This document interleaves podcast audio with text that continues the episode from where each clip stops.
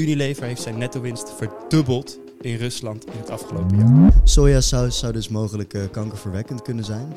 Het is alles onder de Bijbelbelt. Ja. Alright. Maar nee, maar, maar, maar weet hoe dit... Mark is er weer niet, nu ik me bedenk. Ja, ja, wel wat dat betreft hebben we een beetje een waardeloos team. Gijs is er nu twee keer niet geweest. Mark is er nu twee keer Ja, niet ik zat in dat vakantierooster te kijken. Ook Grijs, ik ga bijna tellen. Ja, het was... eh, ik, heb, ik heb het toevallig vandaag ook bekeken. Dat, eh, voor de overuurtjes draaien, ja. Je kreeg de zenuwen van Sofie die opeens hier wees. Maar ik zag het bericht, toen ging ik even checken. Dus dat, ik zag Ja. dat ik toch al veel gepland had. Maar we houden geen vakantieuren bij, tenzij we zien dat iemand wel best wel veel gebruik maakt van zijn vakantieuren. Dus ik zit nog goed. Nog net.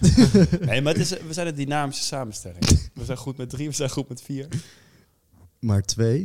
Ik weet dan wel van vorig seizoen dat we dan af en toe zo'n podcast met z'n tweeën moeten doen, moesten doen. Ja. En dat kon wel echt ook helemaal gewoon dat je net niet goede synergie had. Ja, kon- het kon inderdaad heel erg twee kanten op gaan. Je had situaties dat als je een onderwerp besprak wat, wat beide heel erg interessant vonden, dan kon, kon dat gaan vlammen. Zeker als de andere echt oprechte vragen had over een onderwerp. Maar het kon ook inderdaad zo zijn op het moment dat je een onderwerp aandroeg wat helemaal niet interessant was voor de ander, dat je gewoon je monoloog stond te houden. Oké, we gaan door naar het volgende onderwerp. Ja. Dus dan, als jij en ik met z'n tweeën zitten, gaan we praten over fungi en over Napolitaanse pizza's. Zo. Mijn vriendin was naar Napels toe. Die heeft een heel weekend alleen maar pizza's gegeten. Ja, was jaloers. Ik was jaloers, joh. Ja, ik denk dat dat inderdaad de grote kookshow zou worden met jullie twee. maar misschien zou het wel heel goed luisteren, heel goed eh, heel veel luisteraars trekken. Ja. Het zou wel erg zijn als dat beter gaat werken. ja, ik eh, hoop dat eh, mijn eh, nieuwe midtro en outro gaat helpen met de viraliteit van de podcast. Ja, Mitro? Midtro. Hij Ja, heeft dus, niet geluisterd weer, hè? heb je niet geluisterd? Naar onze podcast. Ja, Ik heb zo'n hekel aan mezelf hoor. echt. ja. Ergens begrijpelijk. Ja. Ik vind het heerlijk. Hij laat mij ja. Nee, ik heb nu ook wel echt dat ik nu zoveel op de social sta dat ik echt gewoon echt denk, jezus, ik word zo gek van mezelf. Ik vind dat nu wel weer lekker. Dat ik even terug ben. Ja, ja, ja, ja, ja, maar jij, ik moet zeggen, Jelle ook, je doet het ook goed. Je trekt goede kijk, eh, kijkcijfers. Ja, de- dus eh, cheers naar de mensen thuis. Precies, meteen allemaal leuke comments van de dames. Hè? Ik sta er elke dag op en ik hoor alleen maar dingen over mijn stem. Ja, maar daar krijg ik nou geen commentaar op. Wat wordt er een beetje gezegd over je stem dan? Oh, Oh, oh wat, wat niet. Barry White. Barry, ja, ik weet niet, er wordt gezegd dat ik mijn eigen radio eh, stem moet hebben. Dat ik echt zo'n mooie, zwoele after-hour stem heb. Niks negatiefs. En helemaal niks negatiefs, nee. Nee? nee. Wij krijgen sowieso eigenlijk nooit negatieve comments. Terwijl ik dus vroeger altijd heel erg onzeker was over mijn stem. Want ik, was, ik kwam heel erg laat in de puberteit. Echt zeg maar 16. Ik was altijd nog zo'n gozer van 1,40. Die wel altijd zo'n grote bek had. Maar dan wel wat. Dus toen op een gegeven moment dan zeg maar op een gegeven moment word je... Als iedereen om je heen de baard in Ja. de keel heeft. Dan wat je ook zegt. Is het gewoon... Ja, maar jij hebt nog geen baard in de keel, weet je wel. ja. En toen ging ik op een gegeven moment ging ik zo mijn stem forceren. Dus ging ik zeg maar ging zo'n diepe stem eh, nabootsen. Maar ja, daar waren, was men al snel achter. Dus toen werd ik altijd geforceerde stem genoemd. Ik had het gisteren met Dylan erover. Dat de dag dat je door had van, oh, ik heb de baard in mijn keel. Dat je zo blij was. Want ik weet nog, ik heb een jaar gevoetbald. Dat het een beetje omsloeg. Was het altijd... Dat is, afschu- ja, dat is afschuwelijk. Oh, dat was echt erg. Ik had dat, eh, de eerste keer dat ik dat heb gehad was op de basisschool tijdens de musical. Jezus, Basisschool. puberteit. Ja. Nee, dat hij zo oversloeg. Toen keek ik nog naar Sesamstraat. De basisschool al? Basisschool. Ja. Groep 8. ja. Jezus, wat een gene. Wat Wat? een gene. Ja, kijk, ik ben vervolgens blijven hangen. Ja, was, was jij in de eerste al volgroeid? Nee, maar ik was wel volgens mij 1,75 of zo. Zo, dan heb je wel goede jaren gehad in de brugklas, of niet? Nou, dan ging ze nog een klein stukje door. Toen begon ik gymmen, toen heb ik alles kapot gemaakt. Eigenlijk was het de bedoeling dat ik... eh, je, je krijgt toch zo'n test als je, als, je, als je bent geboren... van dat ze zo'n inschatting maken van hoe lang je wordt. Dan was de inschatting was dat ik 1,95 zou worden. Zo. Nou, daar, daar kon ik 10 centimeter vervolgens van aftrekken. Ik had iets van tot 2,24 of zo. Je, je had zo'n zo zo'n tussen iets, toch? Dus dat was dus dan, val je 1,90 toch en- buiten het spectrum dat ze daar nog überhaupt gaan tekenen. Dat soort grafiekje erbij. Ja. Hoe, laat, hoe meet ze dat? Toch aan de soort van ruimte tussen je gewrichten of zo? Ja, hoe ze het precies we- meten, weet ik het niet. En maar- accuraat is het ook niet, als ik het zo hoor. Nee, ja, je moet dus niet gymmen. Is dat, is dat zo? Ja, is dat nou een ja, nee, ze dat zeggen dat je, als, als je, ik weet niet hoe extreem je het moet doen hoor, om, om dat echt kapot, maar ze zeggen dat je je groeischijf een beetje kapot kan maken door eh, te zwaar te gaan trainen. Maar ja, dat heeft waarschijnlijk, dan refereren ze waarschijnlijk wel echt naar ver boven je kunnen squatten en zo, dat soort dingen. Of gaat het echt om belasting? Als het Ja, dat weet ik dus niet. Ik weet niet hoeveel, maar ik kreeg altijd te horen van eh, je moet niet te zwaar, eh, zwaar tillen aan dingen. Ik hoorde dat dat een mythe was, eigenlijk. Hmm. Maar zeker weten doe ik het niet, hè. Ik kan me wel voorstellen dat je je spieren sneller ontwikkelt dan goed zou zijn als je heel jong begint.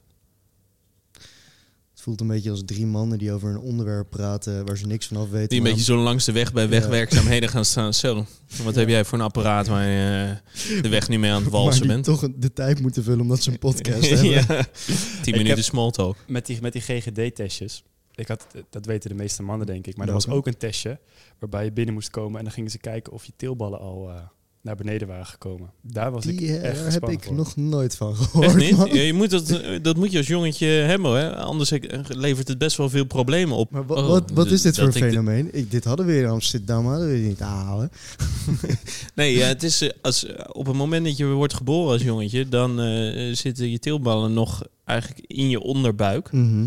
En ja, die moeten naar beneden. En wanneer gebeurt dat ongeveer? Ja, wanneer dat gebeurt, weet ik niet. Volgens mij moet je bij toch? Drie jaar, twee, drie jaar, vier jaar misschien. Ik En had toen- dat we ouder waren. Toen hadden jullie het al met je vriendjes daarover. Nou, ik, het was wel echt een Ja, en dan zaten we in de kroeg en dan ga je het daarover hebben. Ik ben wel blij dat er nog meer mensen zijn waarbij het gebeurd is. Want als ik dit had verteld en er was niemand die kon relaten dan... Maar, maar de moest dan naar de dokter? Nee, Of het was naar op de school. GGD? Was- school kwam de GGD Op langs. school? Ja. oh, dat vind ik dan wel weer een beetje langs. raar. Ik heb, ik heb het gehad, denk ik, bij de huisarts.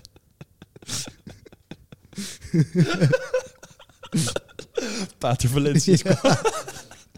Dat is Brabant, hè? Dat krijg je. Het is alles onder de Bijbelbelt. Ja. Alright. Maar nee, maar, maar, maar weet hoe dit... Ik, ik, hoor dit voor het eerst, wat jullie zijn geviolate als kinderen. Ik zou het eens dubbel... Ik zou het eens even gaan factchecken Ik weet niet wanneer hoe- precies het was. Maar, ik weet het maar echt jullie weten het toch nog wel. Want, Nee, joh, ik, je was op school en wat dan, ik zei, van, ik, ik, ik denk dat ik drie of vier ben geweest. Dus ik, ik kan me daar bijna niets van herinneren. Nou, Gijs die eh, doet alsof het vorige week zaterdag was. Ja. Ja. nee, maar die gaat wel. iedere week nog op hercontrole. ja. Maar er komt dus iemand naar je school. En dan ga jij gewoon een soort van... Met zo'n latex handschoen aan. Gaan jullie één voor één. En dan gaat hij voelen. Of kijken. Ja. Of Jij, jij foto- zoekt even de foto's Of op. foto's maken. Oh mijn god, ik ga googlen op kinderen.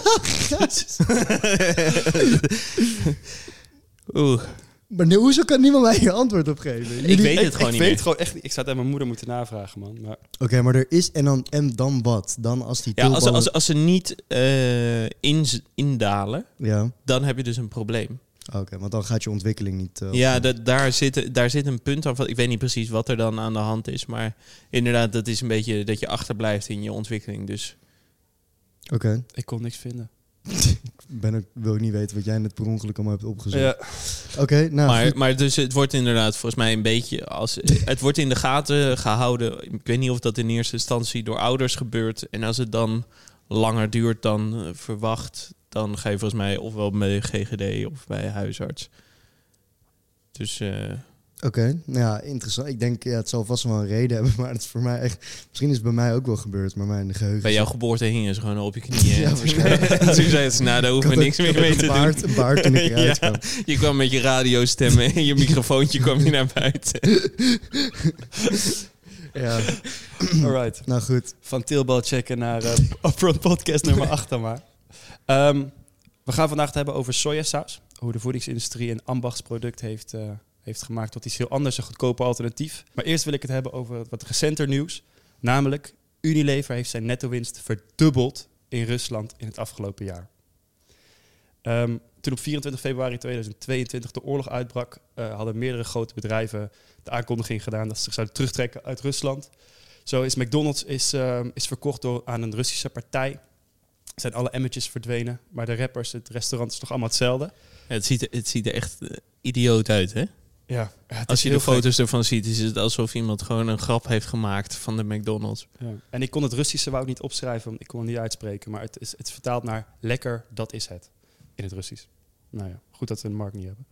Ehm, maar het gaat allemaal eh, onder een andere naam verder. Ehm, en 14 dagen na het uitbreken van de oorlog heeft Unilever-CEO Ellen Job gezegd... We stoppen alle media- en reclameuitgaven. Wij zullen geen kapitaal meer in het land investeren... en zullen evenmin voordeel, haal- voordeel halen uit onze aanwezigheid in Rusland.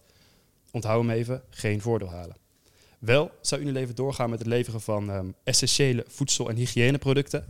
Maar wat blijkt nu uit een onderzoek van Follow the Money, ehm, dat vorige week is gepubliceerd, is dat sinds we duizenden oorlogsdoden, gewonden verder zijn, ehm, dat, eh, eh, dat Unilever gewoon de netto-winst heeft verdubbeld.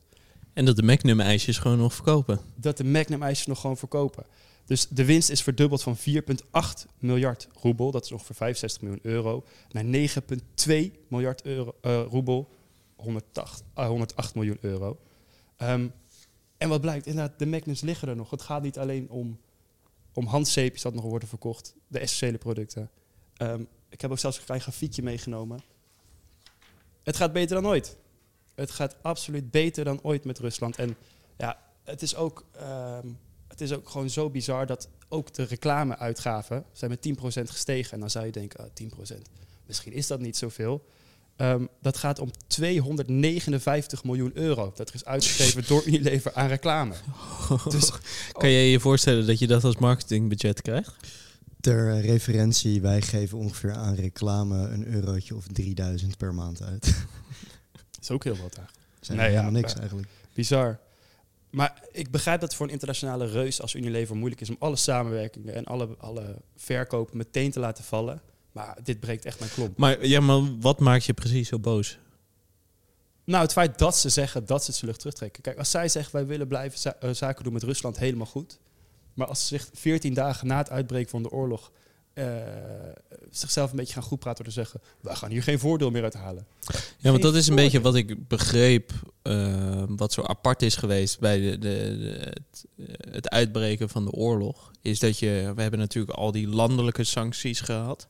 Dus eigenlijk een soort van publieke sancties. En dat de private sector, dus een, een Unilever, een Heineken, Shell, dat die zich ook opeens begonnen uit te spreken over de oorlog. En dat dat eigenlijk wel weer iets aparts is. En dat is wa- wat ik hierin herken bij jou, is dat, je, dat het mij frustreert is dat iemand een soort van gouden bergen belooft. Of eigenlijk eh, een beetje eh, de moraalridder gaat uithangen.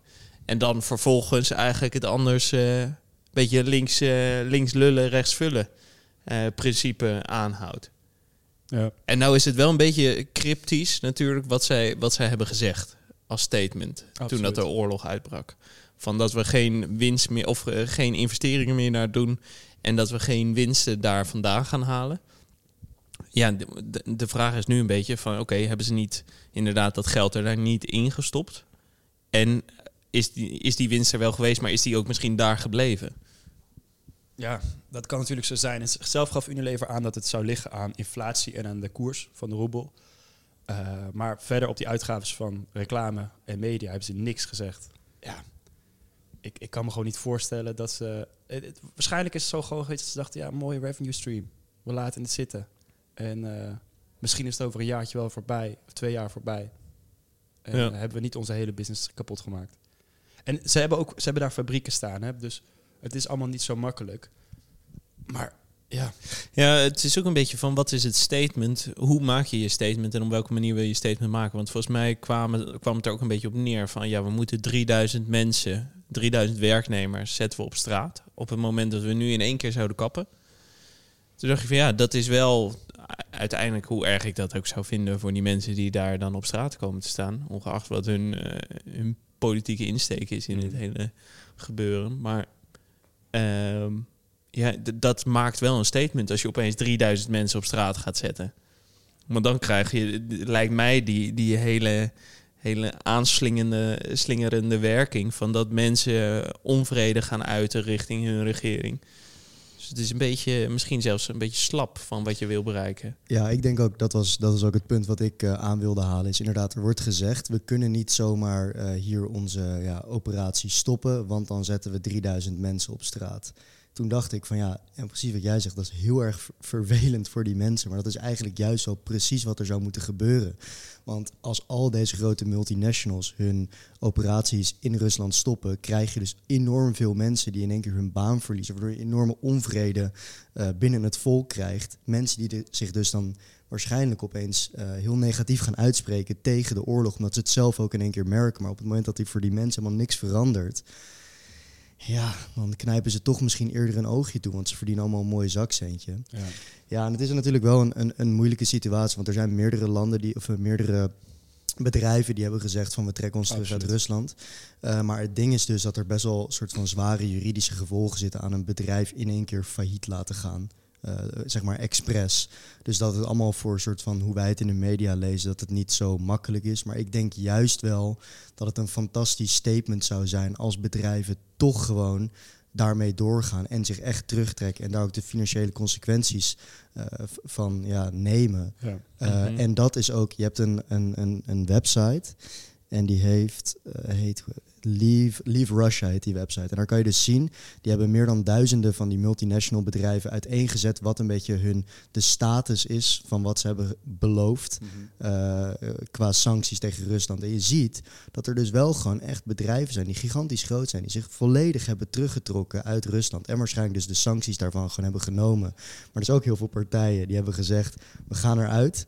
Maar ze zijn alsnog gewoon operationeel in Rusland. Heineken en Bavaria ook. Ik las wel dat Bavaria nu... Bavaria is eruit. Er helemaal uit. Ja, ik las, oh, wat, ik, wat ik dacht te lezen was dat ze nu echt een datum hebben waarop ze de productie helemaal plat gooien. Maar dat ze het echt aan het afbouwen waren. Nee, ik weet dat Nederlandse bedrijven, KPMG, Friesland Campina, Bavaria en KLM, die zijn helemaal eruit. Dat zijn zeg maar de grotere bedrijven die ik eh, ja, herkende.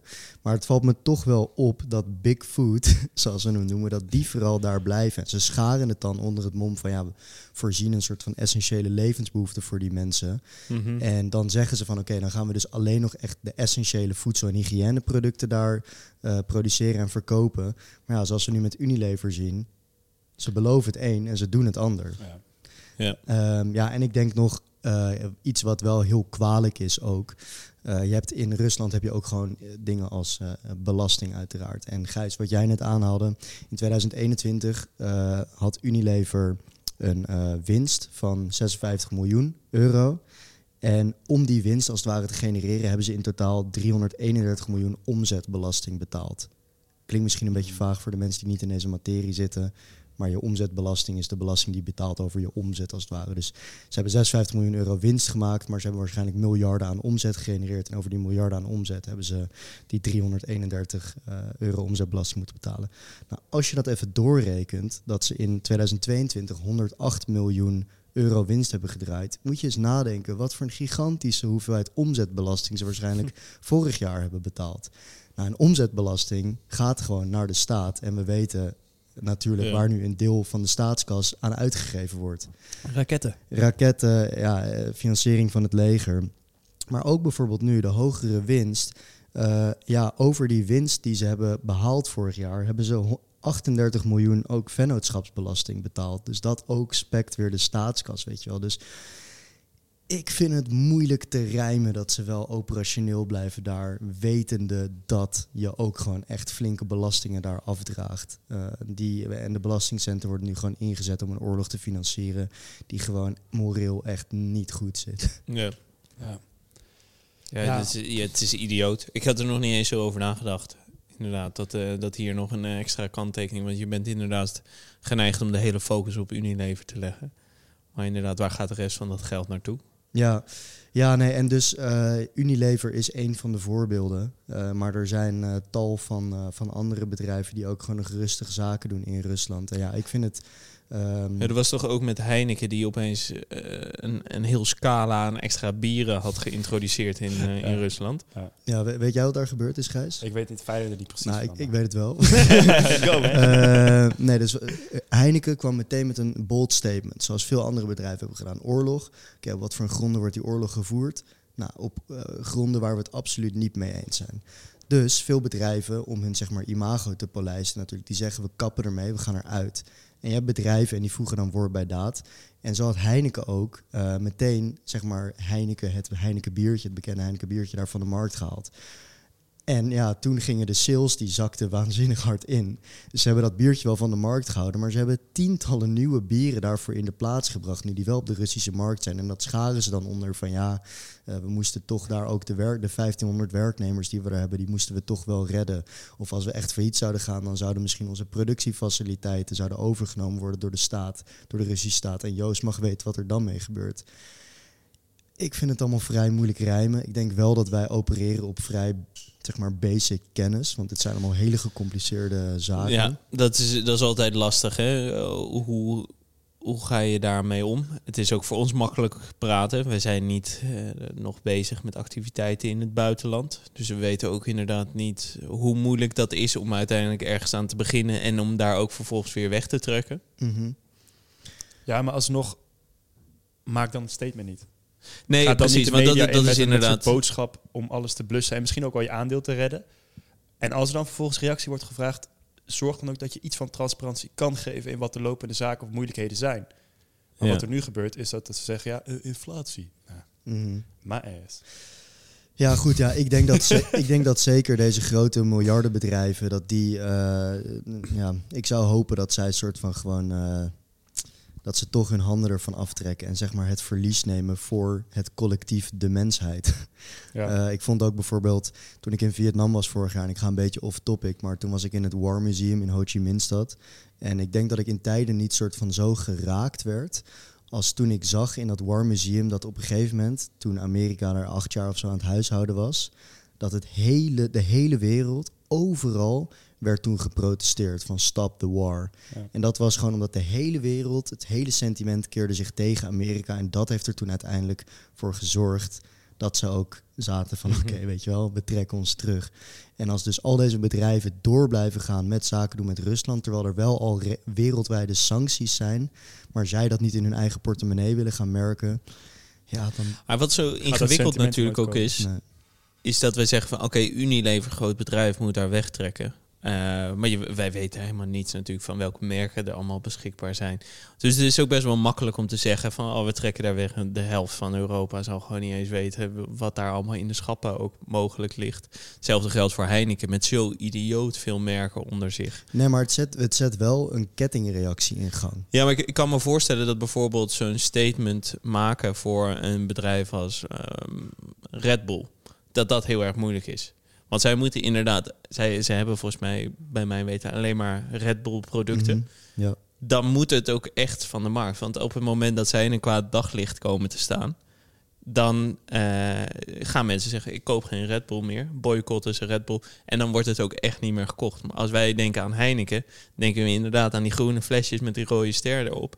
En we denken niet aan al die andere merken die daaronder vallen. Mhm. Dus die zou je dan nog steeds blijven kopen waarschijnlijk. Dus dat, Ja, nee, dat is zo. Maar ik denk wel dat, eh, als ik nog, nog een keer terug kan komen, wat ik net zei, is, zeg maar, stel je voor je zit eh, in de klas, eh, op de basisschool, en iemand van jouw klas die doet iets, en vervolgens doe jij hetzelfde, en dan wordt de leraar spreekt jou aan, dan zeg je, ja, maar hij doet het ook. En zo kunnen waarschijnlijk veel bedrijven het rijmen. Ja, maar Unilever doet ook nog zaken daar. Ja. Nestlé dit, of Heineken doet het nu ook zo. En juist als je als als zeg maar echt een domino-effect plaatsvindt, dat mensen gewoon echt, of bedrijven zich echt terugtrekken, dan wordt het in één keer heel moeilijk om te verantwoorden dat jij daar wel nog zaken doet.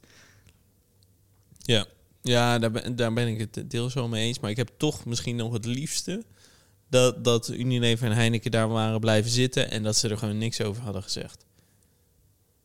Ja. Ik denk dat, ik, dat, dat bij mij dat er een slapende hond was geweest die niet eh, wakker was geworden. Ja, ja, kijk, het is natuurlijk het is niet iets waar wij dagelijks mee bezig zijn. Of dan spreek ik voor mezelf. Dus Ja. dan had ik me er ook niet druk om gemaakt. Maar nu ik het weet. Ik zat wel toen, Gijs, toen jij dit onderwerp opperde. Of ik weet niet wie het Jan, opperde. ja. Jan, toen zat ik wel echt van, what the fuck, wat krijgen we nou? Weet je Ja, wel? ja, zeker. Maar dat, dat komt, dan komt het dus boven. Maar eh, hebben wij enig idee, grootste concurrent denk ik, van Unilever is Procter Gamble. Hebben wij enig idee wat hun politieke statement is? Nou, ik weet dat Nestlé zit er wel gewoon nog volle bak. Ook daar. Ja, maar die hebben sowieso een beetje een matig moraal, Ja. eh, moreel kompas. Ja. maar ze planten wel bomen. ja. Nestlé En trekken vervolgens een heel continent leeg. ja, was ook met die water. eh, zeker. Ja. Ja, die Ja, ze, maar ze verkochten het wel weer terug Mhm. aan de populatie. Voor een premium. Oh, nee, maar niet, hè? ja, Jelle, ik, ik snap wel wat je zegt, maar ik vind toch juist dat eh, ik zou wel graag zien dat bedrijven. Nee, kijk, ik vind, ik, eh, moreel gezien vind ik inderdaad dat dat moet gebeuren. Ik vind dat, die, dat iedereen daar zo zijn verantwoordelijkheid, zeker op het moment dat je weet dat je zoveel invloed hebt op een land en op de hele situatie, zou ik vinden dat je daar je verantwoordelijkheid in moet nemen. Maar gewoon meer business-wise had ik misschien gezegd van, nou, als je toch weet dat je niet helemaal wegtrekt, misschien gewoon er niet over beginnen. Oh, op die manier. Ja, Ja, precies. absoluut. Want nu, want ze gaan allemaal hun imago polijsten vorig jaar. eh, nou ja, twee, twee maanden terug vorig jaar. Allemaal van, Ja. oh, wij, wij stoppen ermee, we stoppen ermee. En de helft die trekt dan gewoon, die gaat het opeens nuanceren. Ja, toch niet duidelijk. Nou, moeilijk, moeilijk, moeilijk. Of, of er zitten toch wel consequenties aan. Ja, no shit, dat is de, het hele punt van ja, dit. het van is dit zodra de eerste tweets binnenkomen van eh, Shell, what are you doing? What are you doing about Russia? Ja. Dan krijgen ze het helemaal benauwd. Sturen ze een tweet eruit met wij gaan dit en dit doen. Ja. Ja, als er dan bijvoorbeeld praktisch niet werkt, maar je hebt die tweet er wel eruit gestuurd of de persconference, dan wordt het lastig. Ja, want je moet eigenlijk een plan wat jaren in beslag neemt, moet je dan opeens zonder nuances in één keer 14 de, de wereld in. 14 dagen nadat de oorlog uitgebroken is. Ik weet niet, ik zit dan gewoon na te denken wat ik in, in zo'n geval eh, zou doen of zou willen doen. En ja, ik zou dan wel veel eerder zeggen van oké, ja, dan maar minder omzet daar of dan maar extra kosten daar. Zolang uiteindelijk, en ik denk dat bij Unilever voelen misschien, ja, Ellen Joop zal zich wel verantwoordelijk voelen, maar eh, weet je wel, uiteindelijk moet je jezelf in de spiegel aan kunnen kijken. En het idee dat jij daar nog met je omzetbelasting en vennootschapsbelasting toch eigenlijk deels eh, een oorlog financiert. Ja. Zou, je, zou je nog zoveel verantwoordelijkheid voelen op het moment dat je zo achterlijk veel merken onder je hebt? Ja, moeilijk. Ik weet niet, zij lopen Hij zou waarschijnlijk niet eens de helft van zijn eigen merken kennen. Oeh, ernaar dat gaat, is een goede vraag of die ze allemaal op zou kunnen noemen. mag je de halve supermarkt erbij pakken. Nou goed, ik denk eh, lastig. Ik vind het in ieder geval een eh, kwalijke zaak. En eh, ja, Jelle, wat jij zegt, inderdaad, als je, zeg maar, als je erover uitspreekt als merk, dan moet je ook woord bij daad voegen. En niet nu in één keer dat nog proberen te polijsten. Dus Ja. Nice. Heel even snel tussendoor. Zoals jullie al weten zitten er geen vervelende sponsoren in deze podcast. Maar het enige wat ik jullie wil vragen is of jullie kunnen helpen met het groeien van deze podcast. Meer luisteraars betekent namelijk dat wij meer tijd in de podcast kunnen steken. En als wij er meer tijd in kunnen steken, kunnen we jullie meer waarde bieden. Dus als je dit nou een leuke of leerzame podcast vindt, deel hem dan met je vrienden, familie en collega's. En vergeet ons niet te volgen en te beoordelen op Spotify en YouTube. Dan gaan we door naar het volgende onderwerp. Soy sauce. Ehm, we kwamen eigenlijk een beetje op dit onderwerp, want Jelle en ik zijn toch wel, eh, mag ik zeggen, de connoisseurs van het kantoor. we zijn foodies. We zijn foodies, we zijn de fijnproevers, maar we, we hebben het vaak over bepaalde producten. Van, hey, heb je dit al geprobeerd of heb je daar al gegeten? Eh, ik neem wel eens wat mee van vakantie van Jelle. Voor Eh, Jelle alleen. ja, het is nooit... de- het is een redelijke eenrichtingsverkeer. Ja? maar, maar ik- maar vandaag heb ik wat mee. maar vandaag heb je dat meegenomen. En eh, daar hadden we het eigenlijk over. Tomasu sojasaus. Dat is een, een sojasaus. Komt uit Rotterdam. Verder ga ik even niks over zeggen. Ehm, maar die is bizar goed. En dat heeft echt niks meer te maken met het product wat je eet in je all-you-can-eat sushi in grillzaak om de hoek. Maar zou jij ons kunnen vertellen, hoe worden deze, wat, wat is het met deze producten en hoe wordt die sojasaus gemaakt? Ehm, ja, dus ehm, even een mooie, mooie clickbait voor, voor social media. Sojasaus zou dus mogelijk eh, kankerverwekkend kunnen zijn. Nou, dan vraag je je af, eh, jezus, wat eh, eh, heb ik dan al die jaren met mijn all-you-can-eat sushi en die pokeballs, eh, ga ik, heb ik mezelf dan in de vingers gesneden. Nou, dus eh, wat, is er, wat is er aan de hand? En wel een kleine credits, ja, where they're due. Dit is op mijn radar gekomen door Keuringsdienst van Waarde. Ehm, omdat Het originele sojasausrecept, uh, Gijs, wat jij net ook al aanhaalde, uh, wat echt op de originele manier ge gemaakt wordt, dat duurt ongeveer 1 à 2 jaar. En ik ga niet helemaal in op de spe specifics van hoe dat gemaakt wordt. Maar 1 à 2 jaar, ja, dat is natuurlijk nu in ons kapitalistische systeem, waarin dit zo van de, van de, uit de machines moet rollen, is dat veel te lang.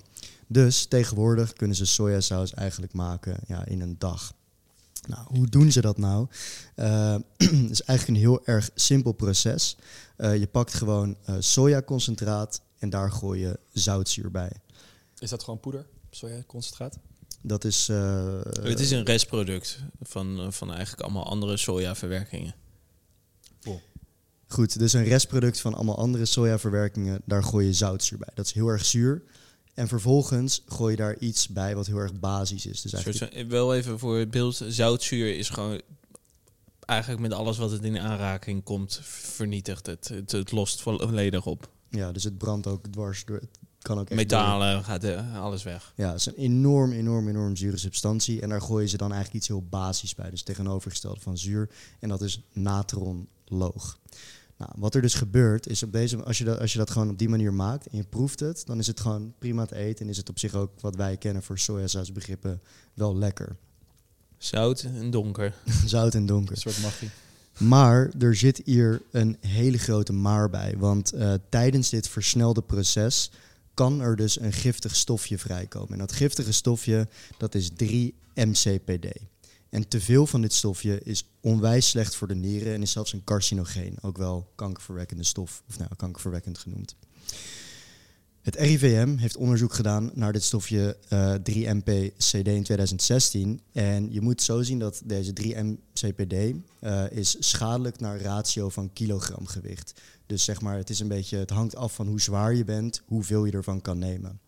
Uit dit onderzoek kwam dat kinderen die tussen de 2 en de 6 jaar zijn, dat 18% daarvan een te hoge inname heeft van dit stofje.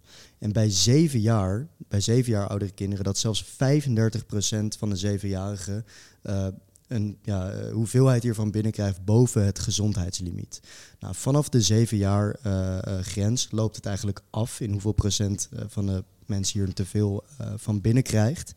Um, en dat is best wel ernstig, right? Ja. En nou, waar zit dit nou in? Dit zit in uh, soja, of waar kan het in zitten? Sojasaus, palmolie, plantaardige olie en margarine. En nu denken jullie misschien van oké, maar weet je wel, de, ja, de Nederlandse voedselkwaliteitseisen uh, zijn zo streng. Um, dit zal vast niet in de gemiddelde sojasaus zitten. Nou, Keuringsdienst van Waarde heeft tien sojasauzen die ze uh, in de Albert Heijn Jumbo en de, de, de toko's hebben gekocht, hebben ze opgestuurd naar een lab. En in vier van deze tien sauzen zat dus dit stofje 3-MPCD. En in één van deze vier uh, sauzen waar er te veel in zat, of waar het stofje in zat, zat zelfs echt een te veel in. En dat was het sausje, uh, of de sojasaus Datu Puti sojasaus, die zat boven de norm. Name and shame. Ja, en die is toen uh, ook uit het, uit het schap gehaald. Bizar, hè? Is best, ja, is bizar. Dus dat je gewoon... Uh, ja, het is... Zij zaten in diezelfde situatie dat ze werden gebeld door dat lab.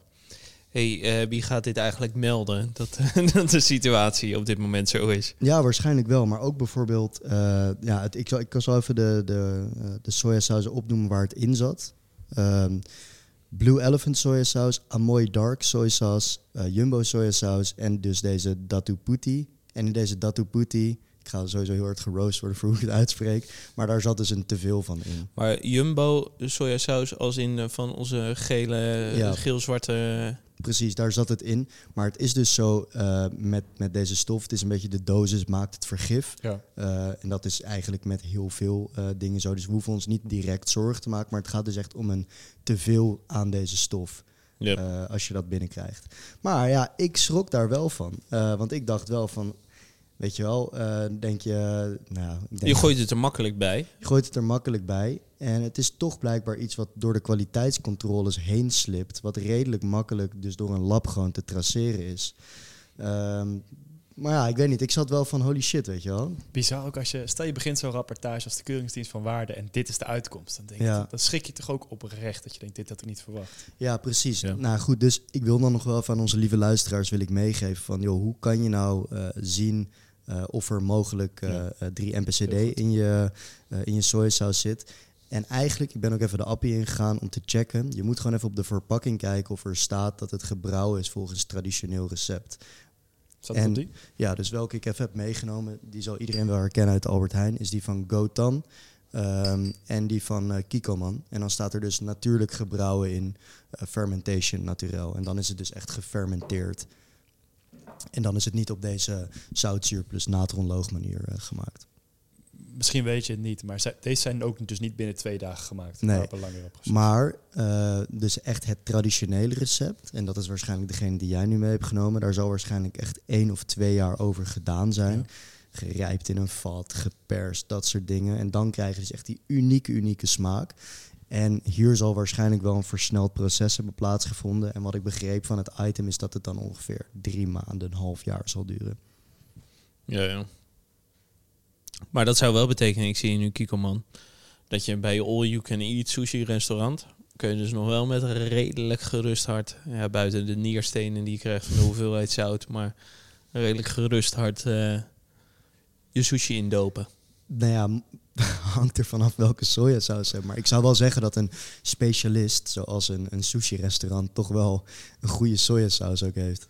Ja, ja, ik denk, dat hoop ik ook altijd wel, maar je hebt ook wel eens van die all you can eat eh, restaurants waarvan je denkt, ik weet, ik weet niet wat hier allemaal gebeurt. Ja, maar het ding, zeg maar, ik vind ook wel dat soort van sushi wordt ook wel heel erg verheerlijkt als eten. Want eh, ja, ik heb in een sushi-restaurant gewerkt eh, Echt waar? als bezorger.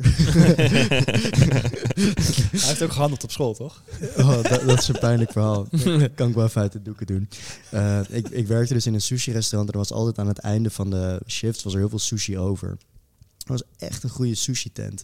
En er was ook nog een beetje voor de boom van eh, dat all-you-can-eat sushi, sumo sumo en zo in, in de Randstad.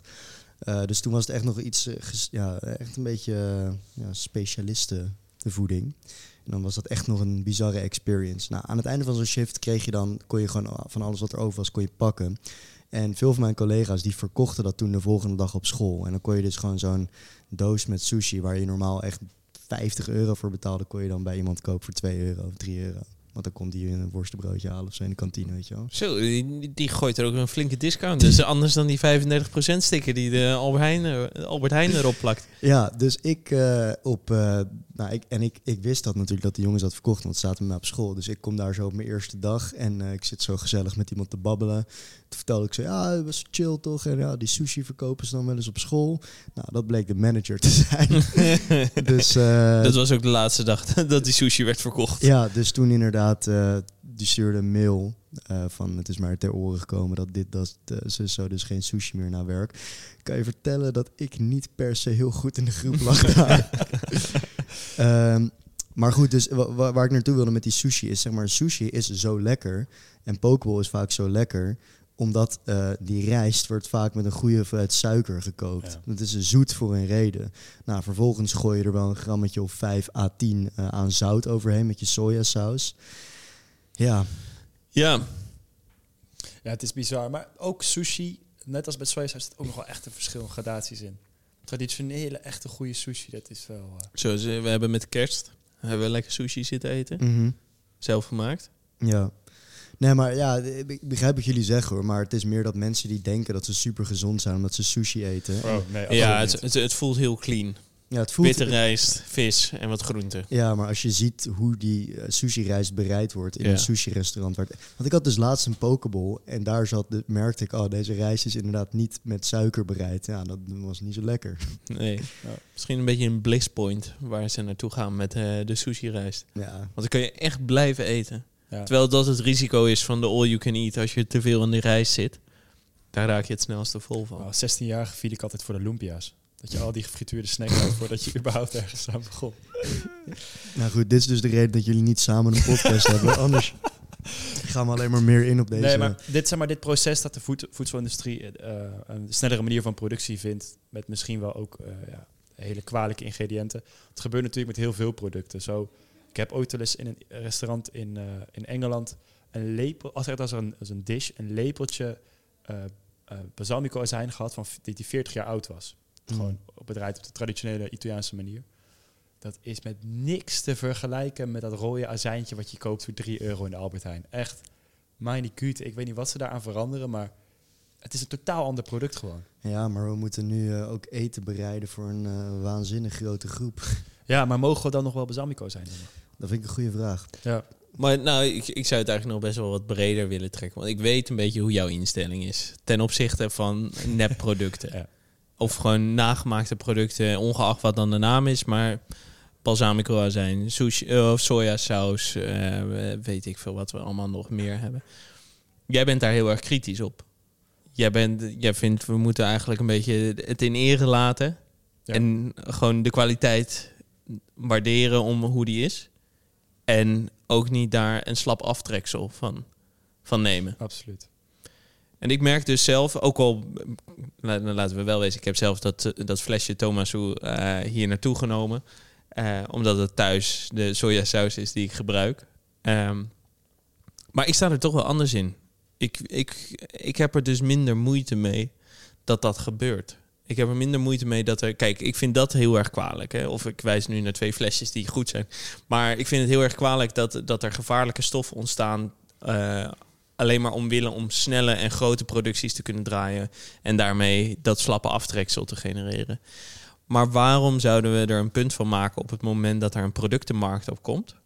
Dat een people's pleaser is, zoals balsamico azijn. Ook al weten mensen misschien niet hoe, het, hoe de real deal smaakt. En eh, zouden ze dat ook fantastisch vinden. Maar nu kunnen we iets, iets maken eh, wat mensen graag consumeren.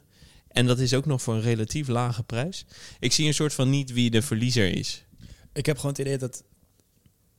Nou, de producent, van de, de Italiaanse oude producent, denk ik. Net als met eh, koffie. De Nederlandse koffie is gewoon echt verpest toen het Senseo-apparaat is gekomen. Die hebben stilletjes hebben ze in die pads het- de hoeveelheid koffie verminderd. En wij zijn allemaal slappe bakkies gaan drinken hier Is dat, is dat niet door een familielid ontstaan? familie? Familie. De, Oh. de, de Senseo. Oh, ja. Eh, ik heb een, eh, inmiddels geen familielid meer, maar de oude vriend van mijn, eh, van mijn tante. Die is de ontwerper van het Senseo-apparaat. Dus die man heeft onze Ik, koffie. ik, heb hem, ik heb een keer met de koffie gedronken. Toen was ik wel een beetje boos. Ja. Toen zei hij, wat is dit voor smerig bak? Ik hoef Senseo echt- zo niet. Het uiterlijk van het apparaat heeft hij ontworpen. Verder niet. Maar hij heeft niet het hele de principe. technologie niet. Nee, maar die pads, die hebben... Uh, Douwe Egberts heeft gewoon mondjesmaat steeds minder koffie in die pads gedaan. En er zijn steeds slappere bakjes gaan. Inflatie, hè? We zien het overal. Ja, dat begon al lang. Nee, maar, eh, maar even terugkeren. Omdat we, je, we hebben nu balsamico azijn. Daarvan, eh, wat, wat je zegt, dat moet volgens mij minimaal iets van 12 jaar rijpen om het echt balsamico azijn te laten zijn. En dan 40 jaar is natuurlijk helemaal te... Kun je nagaan dat gewoon een, een half mensenleven er overheen gaat. Over één flesje. Maar ook nog het grootste gedeelte van verdampt. Ja, Dat- het was wel echt extreme ervaring om dat te proeven. Ja. Maar de- ja, dat, is- dat vind ik zo idioot dat je, dat je iets gaat maken waar je over 40 jaar zegt van, nou dan gaan we het er eens uithalen. Maar wat, wat vinden jullie daar? Balsamico aan zijn sushi is, of eh, wat ik blijf het, het eh, sojasaus, eh karnemelk is anders. Er zijn heel veel producten, die, zoals laten we zeggen ook vanillevla. Vanillevla wordt helemaal niet met vanille gemaakt. Maar daar gaat een aroma in. Onze, veel van de aroma's die je voor het bakken gebruikt zijn, zijn eigenlijk niet echt meer die ingrediënten. Maar ze dienen wel het doel. En mensen eh, worden er gelukkig van. Mensen worden er gelukkig van om vanillevla te eten met dat aroma. En zouden er helemaal ook niet gelukkig van worden om vanillevla met niet dat aroma, maar alleen maar vanille stokjes te gaan eten. Dus ik, heb, ik sta daar dus best wel. Ik heb, eh, ik heb, ik vind het altijd van die, echt van die producten die dan jaren moeten rijpen, vind ik zulke elitair, eh, elitaire onzin, vind ik dat. Dat je dan zo'n balsamico azijntje van 12 jaar of zo moet gaan drinken, of zo'n zo'n stuk vlees wat dan maanden heeft. Het is ambacht. ja, ik vind dat zulke... Ja, het is ook altijd een dunne lijn eh, tussen ambacht en snobisme. Maybe. Ambacht is een woord wat de elite heeft bedacht om hun gedrag goed te praten. ja, ik weet niet, ik, eh, ik, ik heb zo weinig met dit soort... eh, ik, ik, ja, ik heb ook heel erg, als het zeg maar functioneler kan en sneller en daardoor goedkoper en be- ja, daardoor breder be- beschikbaar voor meer mensen. Ja. Dan, ja, ik ben niet, maar ik ben niet zo'n smaakpurist. Voor mij is gewoon eten gewoon functioneel. En ja, als het lekker is, vind ik het ook prettig. Maar ik eet, eh, ja, ik kan, er, ik kan er wel van genieten. maar niet zoals als jullie. Nee, maar zo, laten we, hem, eh, laten we hem daarmee afsluiten. Maar zoals Jelle zei, er zit wel een mooie lijn tussen eh, inderdaad het versnellen van zo'n proces en het efficiënter maken en inderdaad toevoegen van Ja. toch echt gevaarlijke stoffen, zoals bij sojasaus. Ja, en eh, we moeten ons ook afvragen, stel dat iedereen sojasaus zou, gaan eh, consumeren zoals eh, ooit de bedoeling is geweest, of balsamico zijn, dat kunnen ze ook helemaal niet aan. De hele wereld. Als die hele productie, die hele, die, al die volumes zouden overgaan weer naar de traditionele manier, daar hebben we helemaal niet genoeg spullen voor, denk Nee. ik.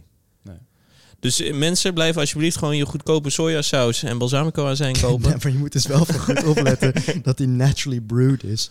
Dan kunnen Gijs en ik gewoon lekker onze snobistische, a.k.a. ambachtelijke producten blijven kopen. Maar we- laten we afsluiten met even een kleine eh, snelle tasting. Ja, daar ben ik bij. Ja. Dit is voor de misofone gemeenschap.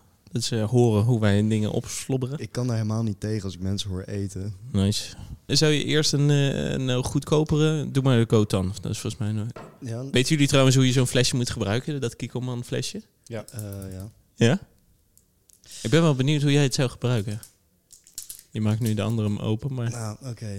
Moet ik nu laten zien dat ik een flesje sojasaus open kan maken? Ja, het openmaken, dat geloof ik maar het, het, het specifieke schenken. Oké, nou, ik maak nu een flesje Kikkoman sojasaus open voor de luisteraars. Maar volgens mij moet ik hier nog die dop van afhalen, of niet? Zal ik even kijken? Kleine break. Ik krijg hem met één hand niet open. Nou, Jelle wel. De, de man eh, in het huis. En nu mag ik gaan schenken. Als iemand een lepel uit kan houden, dan... Ja. eh, nou, Kijken of we Jelle, het zo kunnen. Jelle had er dus weinig... Nee, dit werkt natuurlijk niet.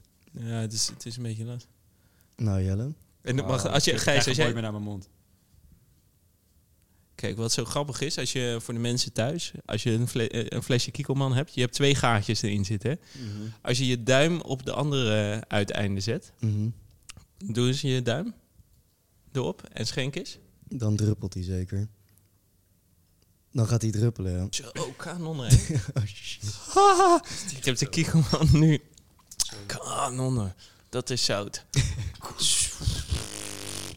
Oké, we gaan een beetje Thomas Soe. Rotterdamse makelij. Zij maken het nog helemaal volgens traditioneel recept. We hebben gevraagd aan Harro of we dit stukje erin mochten doen. omdat dit een klein passieproject is. En wil je dit nou goedkoop aan? Zo, dat is ook eh, niet weinig. Nee, maar je moet het wel Hoeveel betaal je nou voor zo'n flesje? Wil ik niet weten. Het is ambacht, hè? Zo. Zo, dat is wel heel anders, ja. Veel minder zout ook. Terwijl ik de driedubbele hoeveelheid had. Ja. En dit wordt dus gemaakt volgens mij een oude whiskyvaat, als ik het goed zeg. Maar in ieder geval echt op volledig traditionele wijze hier in Rotterdam. Het is, het is vrij zacht, hè? Maar ik moet zeggen... ehm, nu begrijp ik in één keer... Want die sojasaus smaakt vaak anders bij verschillende plekken waar je het bestelt. En dit herken je meteen nu. Nu weet ik meteen, oké, dat is een neppe sojasaus, dat is echte sojasaus. Ja. Ja, het is, het is gewoon fantastisch. Hier zit ook veel... Ja, nu, het is het laatste wat we erover gaan zeggen, over, over het eten. Maar het is, het is veel ronder. Dat, dat is gewoon heel hard. Het is gewoon zout en, en meer niet. En hier krijg je allemaal verschillende smaken. Je, je merkt gewoon dat het een fermentatieproduct is. Ja, Het, is. het zijn bijna smaken die je helemaal niet herkent. Of niet kan pinpointen op iets anders. Van, oh, het, zo smaakt het. toch nog even eh, voor de beeldvorm. Hoeveel is nou zo'n flesje? 13 euro. Is het 13 euro? Dat, en dat is het kleine flesje. Ja, deze is die 50, 50, oh, dit is 100 milliliter. Ja, nou ja en, voor, en een Kikoman is iets van 3,50 en dat is ook eh, dat is 150. Ja. Maar het wordt natuurlijk op reuzenschaal gemaakt. Dit wordt gemaakt in Rotterdam. Ja. Ja, maar dit is wel een product voor eh, Thomas Soe. Zoek het een keer op. Het wordt gebruikt door ook verschillende chefs. Ja. Goed Eh, kerstcadeautje. Ja, zeker. Top kerstpakket hebben we ooit gehad. Precies. Ik denk ook dat we hem daarbij moeten afsluiten. Yes, dankjewel jongens. Dankjewel. Thanks voor het luisteren naar de Upfront Podcast. En omdat je het vast al vergeten bent, hier nog even een kleine herinnering. Vond je het nou een leuke podcast? Deel hem dan met je vrienden, familie of collega's. En vergeet ons niet te beoordelen op Spotify en YouTube.